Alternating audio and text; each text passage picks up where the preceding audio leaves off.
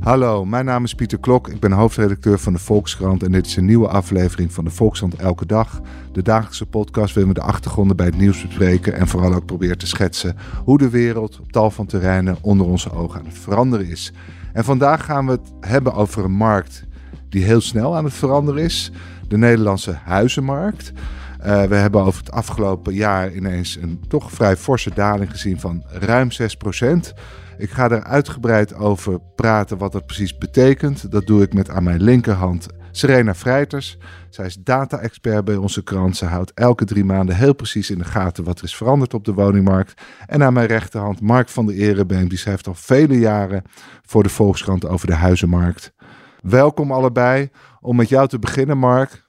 De woningmarkt, de Nederlandse woningmarkt, de huizenprijzen. Uh, Jaar op jaar zijn ze ruim 6% gedaald. Hoe uniek is dat eigenlijk? Hoe nou, dat is een hele grote klap.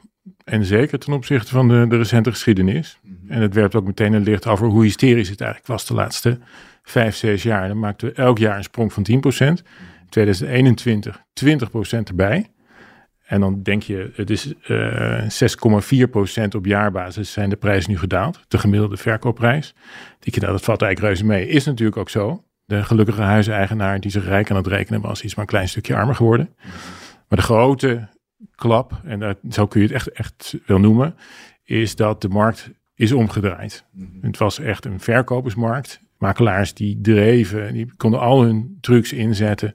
Kandidaat-kopers allemaal tegelijkertijd naar een woning laten komen. Mm iedereen zenuwachtig tegen elkaar opbieden, want je zag dat er heel veel vraag was. En iedereen was heel gedreven om te kopen. Uh, en die gedrevenheid werd eigenlijk alleen maar groter met het dalen van de hypotheekrente. Bereikte eigenlijk een hoogtepunt mm ruim een jaar geleden, eind 2021, toen de rente op een historisch dieptepunt voor anderhalf procent uh, stond. Mhm. Eh, het werd dus ook heel goedkoop om ja. uh, geld te lenen. Daarmee stegen meteen de mhm. verkoopprijzen de, en de biedingen. Ja, maar dit verkopersmarkt betekent dat alle macht aan de verkoper is eigenlijk. Ja. Die, die kan vragen wat hij wil. er is altijd een koper. Die kan de kopers allemaal tegen elkaar op laten bieden. En is het nu binnen een jaar tijd een kopersmarkt geworden? Of, of, of kunnen we spreken van een gezondere markt... waar de macht tussen koper en verkoper gelijk verdeeld is? Nou, ik kan me wel het gezicht herinneren van een man op de Open Huizendag in oktober. Mhm. Die kwam binnen bij een echtpaar dat hun uh, huis te koop had staan in uh, Amersfoort. Die hadden al een nieuw huis gekocht, dus ze moeten verkopen. Voor ook, ze moesten ook wel een redelijk bedrag gaan maken. En die kwam binnen uh, op een manier zoals, nou ja, denk ik de laatste vijf à tien jaar niet meer gebeurd is. Met een gezicht van ik kom hier heel kritisch kijken en ik ga precies bedenken hoeveel lager ik ga bieden ten opzichte van uh, van jullie vraagprijs. Ja. Het huis is niet aan hem verkocht, maar aan iemand anders voor nog een redelijk bedrag. Dus ze sprongen er goed uit. Maar dat is het gezicht. En je kunt nog niet helemaal zeggen dat het een kopersmarkt is. Daarvoor moeten we denk ik nog iets verder gaan in de tijd. Maar dat er een enorme omslag is gekomen, dat is zeker. En het beste zie je dat denk ik aan... Twee jaar geleden was het moeilijk om een huis te kopen. Dus mhm. als je wilde verhuizen dan zorg je dat je eerst een ander huis kocht. Mhm. Want je eigen huis, dat verkocht je toch wel. En snel. En nu is het precies andersom. Uh, je gaat eerst verkopen, zodat je zeker bent van een bepaalde opbrengst. En dan koop je terug. Misschien wel voor iets minder op een nog gunstiger moment van de markt. Maar het is toch ongelooflijk dat, dat die markt zo bipolair is geworden. Dat is echt Jantje huilt, Jantje lacht. Het is, het is het, het, het, wordt nooit meer rustig, lijkt wel op de Nederlandse huizenmarkt. Of het is totale uitbundigheid en iedereen wil kopen en iedereen maakt elkaar gek. Of, of iedereen maakt elkaar gek de andere kant op en, en niemand wil meer kopen en, en het loopt er helemaal vast. Nee, het is een markt met enorme uh, uitslagen en dat is ook... Uh, Hoe wel, dat nou? Dat komt denk ik recent door die uh, razendsnelle uh, daling van de hypotheekrente. Ja, en, nu weer, en nu eigenlijk de hele snelle stijging. En nu een snelle stijging, drie, maal drie in een jaar. Dus het, wordt echt, het is veel duurder als je alleen naar de hypotheekrente kijkt. Veel duurder geworden om te kopen. Ja. Uh, daar komt bij, en dat heeft die omslag wel versneld dat uh, sinds de oorlog in Oekraïne ja. Uh, ja, is, heeft de inflatie toegeslagen op tal van fronten. Energiekosten zijn enorm gestegen. Dat heeft natuurlijk angst gecreëerd. Mensen zijn, kunnen gewoon minder besteden ja. per maand aan, aan wonen. Als daar een groot deel daarvan van het extra bedrag aan extra hypotheekrente op gaat. Ja. Dan is het sommetje snel gemaakt. Dus het is niet alleen maar emotie, het is ook wel degelijk een heel rationele beslissing. Luister, de rente is drie keer zo hoog, dus ik kan gewoon Ja. eh, eh, veel minder lenen. Serena Fruits, jij bent onze data-expert en kijkt altijd in detail eh, naar de woningscijfers. Wat, wat heb jij vooral gezien? Wat ik heb gezien, nou ja, ten eerste natuurlijk de omslag die Mark net noemt. Ik heb gekeken naar regio's en ook een beetje naar woningtypes. En daar valt op die hysterie van de afgelopen jaren, die lijkt daarin ook een beetje gecorrigeerd te worden. Want je ziet een, eigenlijk in de dure regio's, rondom Amsterdam bijvoorbeeld, daar slaat nu de daling ook het snelst toe. Dat zijn nog steeds dure huizen trouwens. Haarlem, Amsterdam nog steeds ruim boven de 5 ton gemiddelde verkoopprijs. Terwijl in Delfzijl, daar is het een stuk duurder geworden. En omgeving, daar moet je nog steeds bijna 15% meer betalen Ja. voor een huis dan vorig jaar.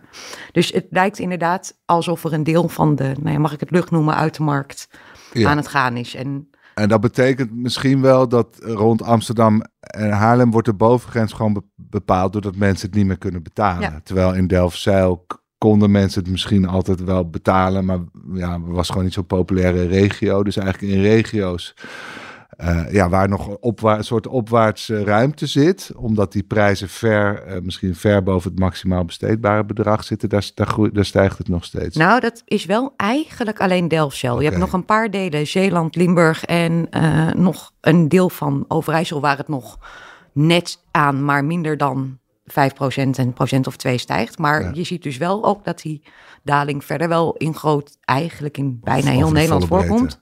Alleen is die het sterkst in de regio's die het duurst ja. waren.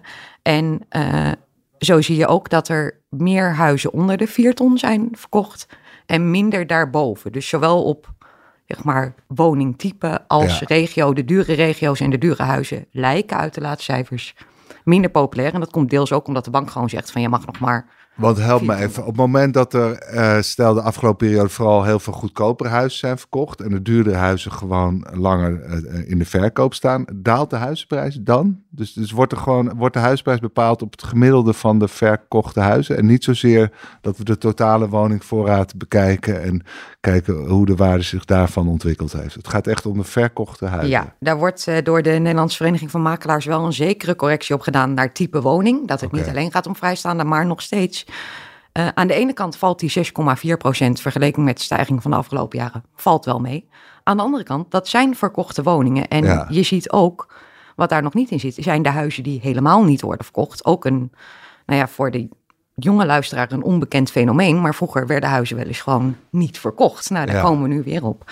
Dat nu staat eh één op de vijf huizen staat langer dan een half jaar te koop. Vorig jaar was dat één op de elf. Ja. Dus er zijn al is er een verdubbeling van het aantal huizen dat gewoon niet meer. En dat zijn huizen die eigenlijk nog voor een te hoge prijs te koop staan, zou je kunnen zeggen. Althans, als je naar de huidige markt kijkt. Dus die moeten nog fors omlaag om eh, op den duur weer verkocht te worden. En pas als dat gebeurt, zal je echt wat dramatische dalingen zien. Ja, dan zie je of dramatische daling of het blijft eh, net als in 2008. Toen daalde de huisprijs natuurlijk. Dat weten we allemaal nog, de jaren daarna.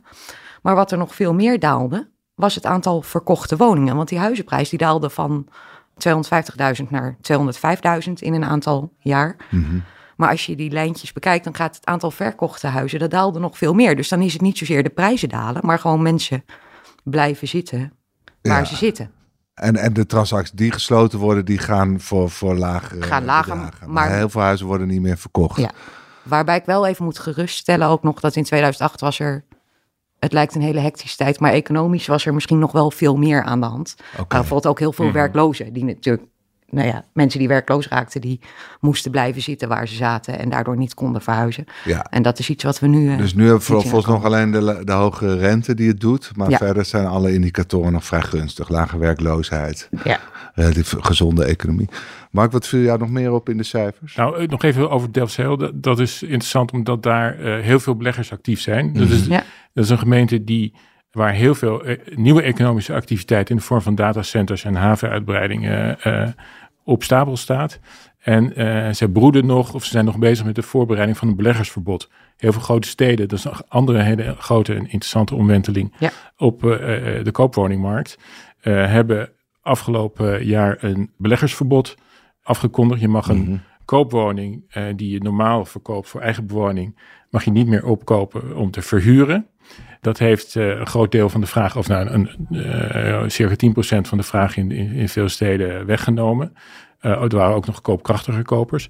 Maar in Delfzijl is een van de laatste kansen voor beleggers om alsnog een oh, okay. woningje op de, kop, ja. op de kop te tikken om te gaan verhuren aan, aan datawerkers. Werknemers van Google en dergelijke, ja. Uh, die daar allemaal grote datacenters bouwen. Oké, okay, dus dat heeft ook effect gehad, Mark. Want alle grote steden hebben eigenlijk die beleggers aan banden gelegd, toch? Die, die, die hebben eigenlijk verordeneerd van uh, dat ze niet willen. Dus dat er zijn ook een tamelijk spectaculaire ingreep met een razendsnel effect. Maar deel, deels, uh, dat, dat, dat zien wij ook hier bij vergaderingen, wordt, wordt zo'n daling altijd verwelkomd. Hè, van eindelijk afkoeling en dat is goed, het was veel te duur. starters konden geen woningen meer kopen. Dus uh, dit is uiteindelijk gunstig. Ja, kijken makelaars er ook zo tegenaan? Uh, van dit, dit was nodig, deze correctie? Nou, ze noemen het een gezonde correctie. Ja. Uh, volgens hun eigen indicatoren zitten we nog niet op een evenwichtige woningmarkt. Ja. Het aanbod moet nog verder oplopen om een beetje lekkere, fluïde handel mogelijk te maken. En makelaars die willen gewoon transacties. Ja. En weinig aanbod, zoals uh, ruim een jaar geleden was er, was er weinig aanbod. Mensen wachten op nog meer stijging, de verkopers. Ja. En nu wachten mensen met kopen. Maar eigenlijk zeggen makelaars nog steeds, uh, het huidige aanbod, wat fors hoger ligt dan het aanbod een jaar geleden, vinden we toch te laag voor een gezonde markt. Ja. Dus blijkbaar is het toch voor de argeloze huizenkoper nog steeds niet genoeg om, om te kiezen. Klopt, ja. Ja, dus het mag nog ietsjes verder uh, oplopen. Hey, Mark, uh, als je op Funda kijkt, heb je nog niet het gevoel dat de prijzen enorm omlaag gaan. Klopt die indruk? Ja, of, of ja. zie je wel al Die makelaars, nu, het is een soort, die signaleerde vorige week ook al dat ze in gesprekken met verkopers zien ze, ja, mensen, mensen willen nog niet. Die, die, ze willen nog niet verlagen. Dus het is heel moeilijk psychologisch kennelijk te verwerken dat je voor je huis uh, misschien 50.000 euro in de vraagprijs omlaag moet gaan.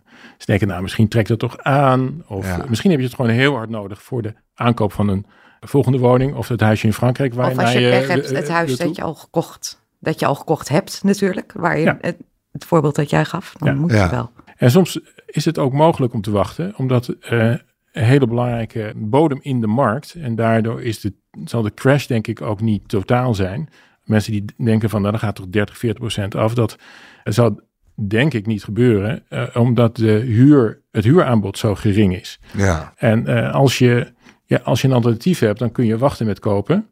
Maar als het alternatief een hele dure huurwoning is, dus zul je toch geneigd zijn om te denken van, nou, nou laat ik nu toch maar ja. die dure koopwoning met die hogere rente, als het ongeveer hetzelfde is of misschien iets meer, is, voelt toch voor veel mensen nog lekkerder dan die woning waarbij een anonieme huisbaas eh, de zak spekt. Oké, dus dat is een, een, een, duidelijke bodem. Maar wie zijn nou de grootste slachtoffers eigenlijk van zo'n daling? Stel dat die daling nog wat doorzet. Ik bedoel, je, zegt het zal niet echt heel dramatisch worden, maar, maar eh, nou, het is ook wel te verwachten dat het mogelijk nog wel wat verder omlaag gaat. Wie, wie zijn dan de grote slachtoffers? Dat zijn mensen die recent gekocht hebben en binnenkort moeten verkopen door een scheiding of uh, ander, uh, andere ellende. En die um, hun huis onder water zien gaan, waarbij de aankoopprijs hoger is dan de verkoopprijs en ze hun hypotheek moeten aflossen en met 20, 30, duizend euro of meer ja. uh, schuld achterblijft. Dus, maar zolang je niet gedwongen wordt om te verkopen, dan is het ook wel vervelend dat je misschien op de hoogtepunt van de markt een huis hebt uh, gekocht. Maar de verwachting is toch dat als je er maar 10, 20 jaar blijft zitten, dat het uiteindelijk toch wel weer Precies. Ik bedoel, eh, in principe hoef je pas zorgen te maken op het moment dat je gaat verkopen. En anders moet je helemaal niet wakker van liggen. Nou, dat is een heel goed advies, eh, Mark. Zeker als je rente op een lage stand voor lang hebt vastgezet, denk Precies. En er zijn ook nog mensen die, uh, als je de rente hebt vastgezet en je hebt een hypotheek waarvan je de rente kunt meenemen naar je volgende woning. Dan kun je, ben je misschien het komend jaar de grote winnaar. Als je zegt van ik heb uh, een huis van drie, vier ton gekocht. En uh, het gaat zo goed met mij dat ik naar 5, 6 kan doorschuiven met die lage hypotheekrente. Dan profiteer je van een dalende uh, prijs. Ja. En dan heb je die uh, goedkope financiering kun je meenemen. Dus dan zou je graag kunnen spinnen bij deze ontwikkeling. Oké, nou dat is allemaal fijn om te horen.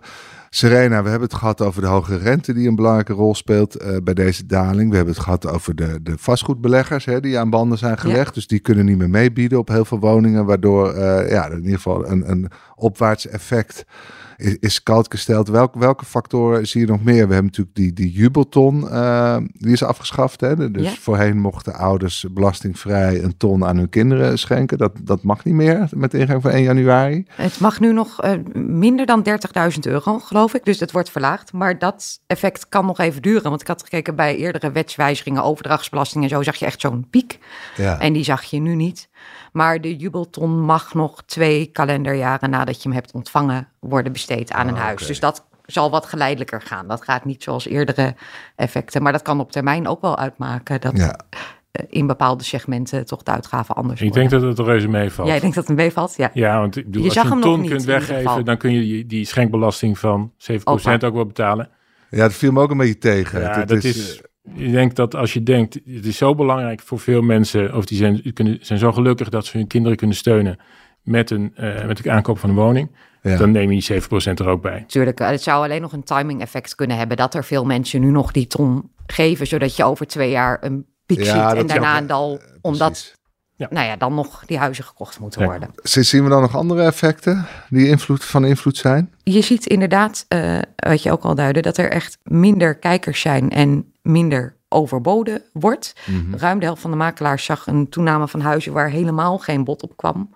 In die zin toch echt die omslag naar een kopersmarkt. In Amsterdam trouwens, voor de mensen die daar een huis zoeken, daar wordt bij 57% van de gevallen nog overboden. Dat is landelijk is dat 45%.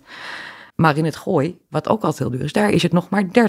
Dus voor de mensen die in het gooi het huis, een huis gaan verkopen, die moeten zich niet al te rijk meer rekenen. Maar er wordt dus nog steeds overboden. Er wordt nog steeds. En, en Amsterdam zelfs meer dan de helft van de gevallen. Ja, meer dan de helft van de gevallen. Dat is wel van de huizen waar het tot een transactie komt. Dus ja. niet verkocht zit daar niet in. Maar dat is dus weer. Uh, ja. Maar in Amsterdam wordt ook al gezegd: heb je ook nog weer de expats, hè, die daar, of dan heb je andere regio's rond Eindhoven ongetwijfeld ook, maar in Amsterdam ook, dat de expats nog zorgen voor uh, een extra vraag. Dat kan en die zijn natuurlijk na corona weer terug, teruggekeerd in. Ja, dat viel weg tijdens corona inderdaad. Dat kan nog een inhaaleffect zijn, maar daar heb ik zo geen. Dat zijn misschien die overbieders. van. En, en, het type woningen, is daar nog een verschil te zien tussen appartementen, vrijstaande huizen, uh, tussenwoningen? Of, is dat gedragen die categorieën zich ongeveer hetzelfde? Daar zie je dat de trend doorzet dat vrijstaande woningen staan vaak langer te koop. Ik zag dat daar ook wel wat daling was. Vrijstaande woningen zijn natuurlijk ook een stuk duurder en dat kan effect hebben, maar dat weten we uh, al een paar maanden als we de gedetailleerde cijfers hebben uh, van het Centraal Bureau voor de Statistiek ook beter. Die zijn veel duurder om te verwarmen, te isoleren. Zeker het gemiddelde wat oudere vrijstaande pand. Ja. Daar moet je bijna een extra hypotheek bij nemen om dat te kunnen verwarmen. Ja. Dus daar zag je nog wel wat uh, verschillen tussen. Ja, dus vrijstaande huizen, die, die zijn gewoon veel minder populair door de energiecrisis. Vrijstaande huizen lijken minder populair. Appartementen lijken wat in prijs te dalen, wat meer dan andere categorieën, maar daarbij wel ter nuancering dat appartementen worden wel veel meer verkocht. Dus bij de vrijstaande huizen heb je nog de factor de huizen die niet worden verkocht. Mhm. En bij appartementen die gaan gewoon wat uh, sneller over tafel. Dus daar zijn ook veel mensen die hun kans grijpen waarschijnlijk. Die eerder geen appartement konden kopen, maar in een veel te dure huurwoning zaten. Ja. Mark, jij schreef al in je stuk, uh, het, het pijnlijke is eigenlijk, uh, uh, of althans heb ik ook al over in het commentaar aangeweid. Er is natuurlijk nog steeds enorme schaarste op de Nederlandse woningmarkt. En die wordt niet kleiner, hè? want we hebben eh, heel veel Oekraïense vluchtelingen, waarvan we toch zo langzamerhand moeten verwachten dat die niet snel weer teruggaan naar hun land van herkomst. Uh, het aantal vluchtelingen uit andere landen ligt weer veel hoger. Dus dat leidt dat heel veel statushouders ook weer een woning moeten krijgen. Uh, er was al een groot tekort. Hè? Uh, Peter de Waard heeft wel eens gememoreerd, onze economieverslaggever, dat, dat ik geloof een, een, tante van hem, die heeft, heeft, de kinderen nog, heeft haar kinderen nog steeds thuis wonen, die inmiddels mm. al uh, in de dertig zijn. Dus er was al heel veel schaarste. En nu beschreef jij ook dat eigenlijk de nieuwbouw misschien door deze crisis het extra moeilijk krijgt. Of misschien wat allerzwaarst van alle categorieën. Ja, en dat is eigenlijk het meest uh, dramatische van, uh, van de laatste cijfers. Is dat uh, de verkoop van de nieuwbouw zo ontzettend is ingestort. Ten opzichte van het derde kwartaal van afgelopen jaar is het 36% gedaald. Maar, en, en dat is het meest spectaculaire, ten opzichte van jaar geleden Ja. is het met 80% gedaald. 80 80 procent. Dat komt omdat nieuwbouwhuizen die aan steeds hogere eisen voldoen, op het- onder meer op het gebied van duurzaamheid, veel duurder zijn dan bestaande huizen, dus de, de wat oudere woningen. Dat zijn eigenlijk de groot, net als de vrijstaande huizen, daar ligt het ook voor de hand, maar nieuwbouwhuizen zijn toch dan de grootste slachtoffers van eh, voorzichtigheid in de markt. Eh, enerzijds die afgenomen bestedingsruimte, anderzijds het idee, eh, veel nieuwbouwkopers zijn mensen die een bestaande koopwoning verlaten. Mhm. En ja, ga nu nog maar eens bedenken dat je in een koopovereenkomst Mhm. tekent voor levering over twee jaar. Waarbij je ook nog rekent op een aardige verkoopopbrengst van je huidige woning. Dus mensen durven die sprong Mensen niet, zijn niet gewoon meer bang aan. dat op het moment dat hun nieuwe woning wordt opgeleverd, hun bestaande woning veel minder waard is geworden, waardoor ze een enorm financieel gat is. En, en, en tegelijkertijd zeg je, is nieuwbouw al relatief duur, eh, ook vanwege dure bouwmaterialen, maar ook vanwege Ja. duurzaamheidseisen en wat al die missen. Dus eigenlijk heeft die nieuwbouw het ook nodig dat de prijzen stijgen. Want je moet eigenlijk de overtuiging hebben van nou, tegen de tijd dat het huis wordt opgeleverd, is met een beetje geluk al meer waard. Precies. Is mijn eigen woning ook meer waard? Maar als beide niet gelden, dan denken mensen, ik begin er niet aan. Ja, precies Maar dat. hoe moet dat dan verder? Want die, de, de- Nou, je ziet dus dat, dat de eh, CBS komt morgen met eh, nieuwe nieuwbouwcijfers. Dat is dan ongeveer het meest recente wat we hebben. Heel erg duidelijk is al dat projectontwikkelaars projecten vertragen, projecten uitstellen of projecten maar helemaal eh, van tafel halen. Omdat ze denken, ja, wat, wacht even. we wachten even, we, hoeven, we kunnen wel gaan bouwen, maar Maar voor het geheel is dat toch desastreus. Want Hugo de Jonge die heeft gezegd, er moeten 100.000 huizen per jaar Ja. bij. Nou, nu zijn het er volgens mij nog niet eens de helft. Ja. Maar dat wordt dus alleen maar minder. Nou, die woningbouwambitie van 900.000 woningen erbij in 2030. De ambitie die ongeveer een jaar geleden geformuleerd is. Ja, dit wordt bijzonder onwaarschijnlijk dat we die gaan halen. Maar wat, wat kunnen we daar nog aan doen? Daar zou je kunnen zeggen dat het een geweldige kans is de komende jaren voor corporaties. Ja, Want waar vaak geklaagd werd, we hebben te weinig bouwvakkers. Nou ja, als die commerciële jongens niet meer gaan bouwen, laten corporaties eh, het dan doen. Het zou misschien nog een extra investering eh, eh, vergen. Mhm. Maar het zou heel mooi zijn als we daar niet meer zo zwaar inzetten op al die flexibele tijdelijke containerwoningen. Misschien is dit het moment van renaissance van, de, van het en dan corporatiewezen. gewoon Gewoon, huur. sociale Dan huur. ben je ook niet afhankelijk van of mensen willen kopen. Ja. Gewoon. Eh, en dan krijg je automatisch ook eh, een prijsdrukkend effect misschien op den duur. Ja. Als, als Nou ja, als dat eh, het effect zou dus zijn. ja. een, een, vurig pleidooi om, om de corporaties weer enorm veel huizen te laten bouwen de komende Dat tijd. is, lijkt me... En wat, wat houdt ze tegen? Of wat kan de politiek doen om die corporaties te, te mobiliseren? Nou, ze hebben al wel wat eh, hulp gekregen. Tenminste, het oude verhuurdersheffing, een speciale belasting voor corporaties. Die is er weer af. Mhm. Zoals het eigenlijk altijd geweest is. Dat is eigenlijk een tijdelijk fenomeen geweest om ze een beetje te straffen. Op het moment dat corporaties eh, zakelijker gingen opereren, heeft het geleid tot heel veel schandalen. Waarna de politiek door die verhuurdersheffing greep probeerde te krijgen op de corporaties. Nou, die is er weer af. Er is weer veel meer vertrouwen. De beste manier om ze aan te jagen is zoveel mogelijk faciliteren. En in eh, grond, de bouw heeft een eigen eh, probleem in de eh, stikstofbeperkingen. Maar eh, ja, vaak gaat het toch om geld. En, maar vooral bouwlocaties is, het, Ja. En daar kan is de grootste schat die je aan kan bieden. Is, is mooi. Is en hoeven grond. bang te zijn bij corporaties te veel winst maken. Van stel dat die overheidssteun tot leidt, want, want dat wordt in principe door corporaties goed besteed. Ze mogen zelfs wat meer winst maken. Ze werden ook, waren ook gekneveld. eh, In, ze- ga terug naar je kernopdracht. Je mag alleen sociale huur aanbieden. Ze mogen nu, en bij uitzondering, middenhuur. Ja. Zeg maar de iets commerciëlere tussen aanstekens eh, variant.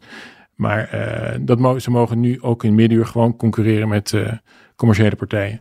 En dat zou zelfs de nieuwbouwmarkt nog kunnen helpen. Want over twee jaar een huis kopen, als je weet dat je goed ergens tijdelijk kan huren, dat is nu natuurlijk ook niet zo, maakt dat ook nog een heel ander toekomstperspectief. Ja, ja want, want je kan dan zeggen van ik, ik koop een nieuwbouwwoning en ik verkoop mijn woning nu al. Ja, want voor en dan ga ik in de tussentijd even huren. Maar dat, dat, dat, dat, dat is nu heel lastig. dat is nu eigenlijk geen optie om even snel een betaalbare huurwoning te vinden. Als dat weer zou kunnen, maak je de hele markt misschien wel Ja. een stuk flexibeler. Oké, nou, dat is een heel duidelijke oplossing. Daar zijn we altijd heel blij mee hè, bij de podcast. Volkskrant elke dag. Corporaties moeten heel veel nieuwe huurwoningen neerzetten. Daar, daar eh, gaan we mee afsluiten. Uh, nou, ik hoop dat jullie het voor ons in de gaten willen blijven houden. En misschien over drie maanden weer een belangrijk moment. Nieuwe cijfers van de NVM. Dus dan uh, nodigen jullie graag weer uit. Dank Mark van der Ehrenbeen, Serena Vrijters. En u, luisteraar, dank voor het luisteren naar deze aflevering van de Volksstand Elke Dag. Morgen zijn we er weer. Graag tot dan.